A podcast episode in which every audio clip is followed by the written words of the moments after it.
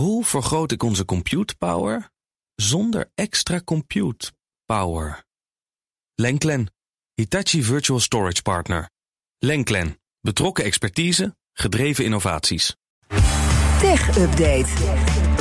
Jo van Buurik, goedemorgen. Bas van Werven en Iwan. Het bedrijf achter ChatGPT, ooit opgericht door Elon Musk, maakt die technologie nu officieel beschikbaar voor iedereen die het wil gebruiken. Oh, dus ik mag het ook nu. Ja, zeker. Als jij met je bedrijfje daar een mooie toepassing voor weet, dan kun je Oh. nu de API gebruiken, de Oh, dat technische is het. koppeling. Jawel. Dat wil, wil ik helemaal niet. Nou ja, maar ik ga toch even vertellen wat je ermee kan doen, Oh. als je dat zou willen.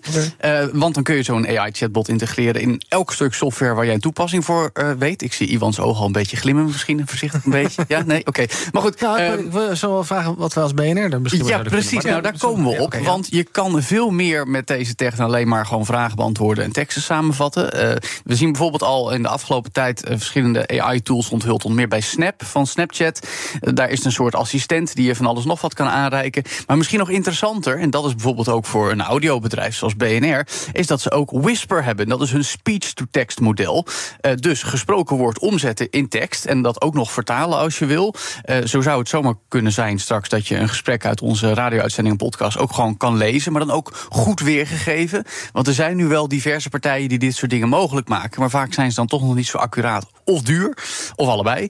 Ehm, de API's van OpenAI zijn echter niet gratis om te gebruiken. En hier wordt het wel interessant, want ze werkt met een tokensysteem. Je krijgt 1000 tokens eh, voor 0,002 dollar cent. Denk je dat is een schijntje? Ja, maar ho, want een token is vier tekens. Dus met deze zin zit je al op 50 tokens. En dat was alleen die zin. En dat is per gebruiker. Dus als jij een beetje veel publiek hebt, dan telt het heel gauw op.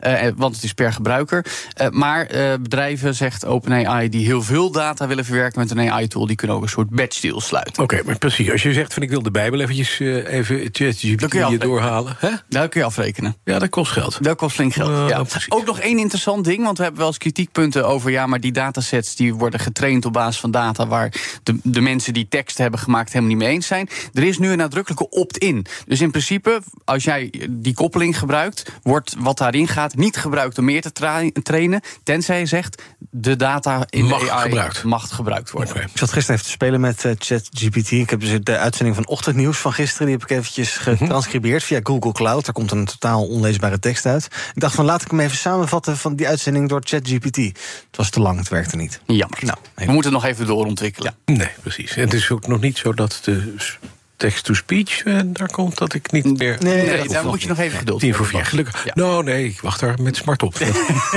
niet meer om tien voor vier de wekker gaat elke Maar, morgen. maar dan vertellen we het niet aan de hoofdredactie. Nee, dat doen we Nee, niet. nee. bekende luisteraar. Dan zet, dan zet ik een dikke, een dikke pop hier neer. Ondertussen is er wel iemand die zich zorgen maakt over die ontwikkeling op het gebied van AI. En dat is meneer Elon Musk. Hey, hallo. oprichter van die open AI. Daar zijn we weer. Nou. Ja, en nadat we begin deze week nog melden dat hij kijkt naar een tegenhanger van. ChatGPT. Ja. Eh, maar tijdens de Tesla Investor Day afgelopen nacht, ook in de uitzending al even aan bod gekomen, zei hij ook even wat dingen over AI. Want aan het einde van zijn presentatie zei hij: Ik maak me grote zorgen over artificial intelligence. Iets wat ironisch, want juist in zijn hele Masterplan 3-presentatie zei hij hoe Tesla moet groeien en de wereld duurzamer moet worden. Eh, ook middels de robots van Tesla, waar natuurlijk sowieso een hoop AI bij komt kijken. En oh ja, eh, autonoom rijden is ook nog steeds in ontwikkeling, zal ik maar zeggen. En daar is AI toch ook wel best belangrijk bij. En iets wat Musk met Tesla ook heel erg veel doet. Maar goed, daar komt het dan, want ik citeer de woorden van Elon Musk. Misschien moet er een soort overheidsinstantie maar eens gaan bepalen hoe AI ontwikkeld moet worden. Ik had nooit verwacht dat Elon Musk eh, iets zou zeggen wat slaat op. Ja. precies, overheidsbemoeienis. Ehm, maar hij zegt, ja, dat moet toch eh, eh, de ontwikkeling van AI... een beetje in het belang van het volk gaan gebeuren... want het is gevaarlijke technologie. En hij stak zelf een beetje hand in eigen boezem. Want hij zei, ik ben bang dat ik wat dingen heb gedaan... die deze ontwikkelingen hebben versneld. Dus, de AI-toepassingen van Tesla zijn overigens wel duidelijk heel nuttig... Ja, in de woorden van Behalve inmiddels verboden self-driving, full self-driving, zoals Nou ja, auto. precies, daar zijn we weer. Eh, maar goed, eh, toch zegt hij ook wel... ik zie nog niet voor me hoe AI helemaal zelf auto's moet gaan maken... maar hij is toch wel bang dat ontwikkelingen op dit vlak harder gaan... dan we met z'n allen zouden moeten willen. Ja, en dan nog even naar iets heel anders. Want de Europese Commissie werkt aan de regels voor een digitaal rijbewijs. Wat vind jij hiervan? Petrolhead. Wat is een digitaal Ja, rijbewijs? Nou ja, het is in ieder geval iets waarvoor een voorstel is gedaan in de Europese Commissie. Het Ja. komt er eigenlijk op neer dat je hem ook gewoon op je mobiele telefoon kan hebben. Ja. Dat is, en eigenlijk dat het gewoon behoort bij je digitale identiteit. Dat is sowieso een plan van de Europese Commissie wat de komende jaren. Morgen invoeren. Dan hoef je dan je pasje, dan hoef je je pasje niet meer bij te hebben. Dat hoeft niet. Ja, maar Nee, kom, telefoon, kom kom maar op. Kom maar op. Ja. Vanmiddag. Het Nou Mijn pinpas zit er al op. eh, Zet er maar op. Doe maar bij. Vind ik Ja, ook. nou idee. Oké, fijn. Jullie zijn fan. Nu moet het alleen nog even geregeld worden. En daar moeilijk. komt natuurlijk de aap uit de mouw. Want er moeten specificaties worden opgesteld eh, op basis van de richtlijnen. Er Oh. moet interoperabel zijn. Ja. De privacy moet gegarandeerd Ik kunnen zie worden. dat er zijn gaan weer kilometers koffie aan, eh, aan vooraf. Nou, precies. Want het is Europees. Ja, dat ook nog. En het moet online kunnen worden aangevraagd, hernieuwd of ingeruild. Je moet zelfs, dat vind ik ook interessant, boetes online kunnen gaan betalen via een portal. Dus Nee, dan dat wil heb ik je- niet. Nee, dan heb je gelijk mooi. Dat is natuurlijk de discussie die we ook gaan krijgen. Moeten we een heel overzicht hebben over van alle Briljant systeem hebben ze in Frankrijk allemaal. En het werkt geweldig. Je gaat naar de portal, je hebt een boete gekregen.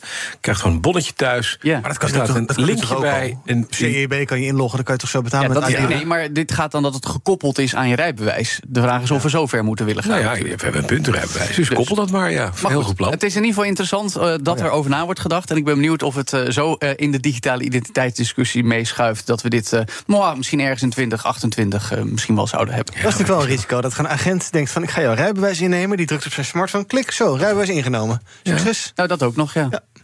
Ja, Ja, ze weten altijd waar je bent. maar Maar is dat is dat een onderdeel van het EID-verhaal ja, helemaal? ja, ja, de digitale identiteit. Ja, nee, kijk, als je dat pasje nog hebt, dan kun je hem gewoon weer wegstoppen. En, Als we nog een minuut Ja. verder praten, zijn we ineens tegen. Ja, precies. Dan blijkt het toch een complot om de wereld over te nemen. Nee. Mooi. Dankjewel, Joe van Buurik. De BNR Tech Update wordt mede mogelijk gemaakt door Lenklen. Lenklen. Betrokken expertise, gedreven resultaat. Hoe vergroot ik onze compute power zonder extra compute power? Lenklen. Hitachi Virtual Storage Partner. Lenklen. Betrokken expertise, gedreven innovaties.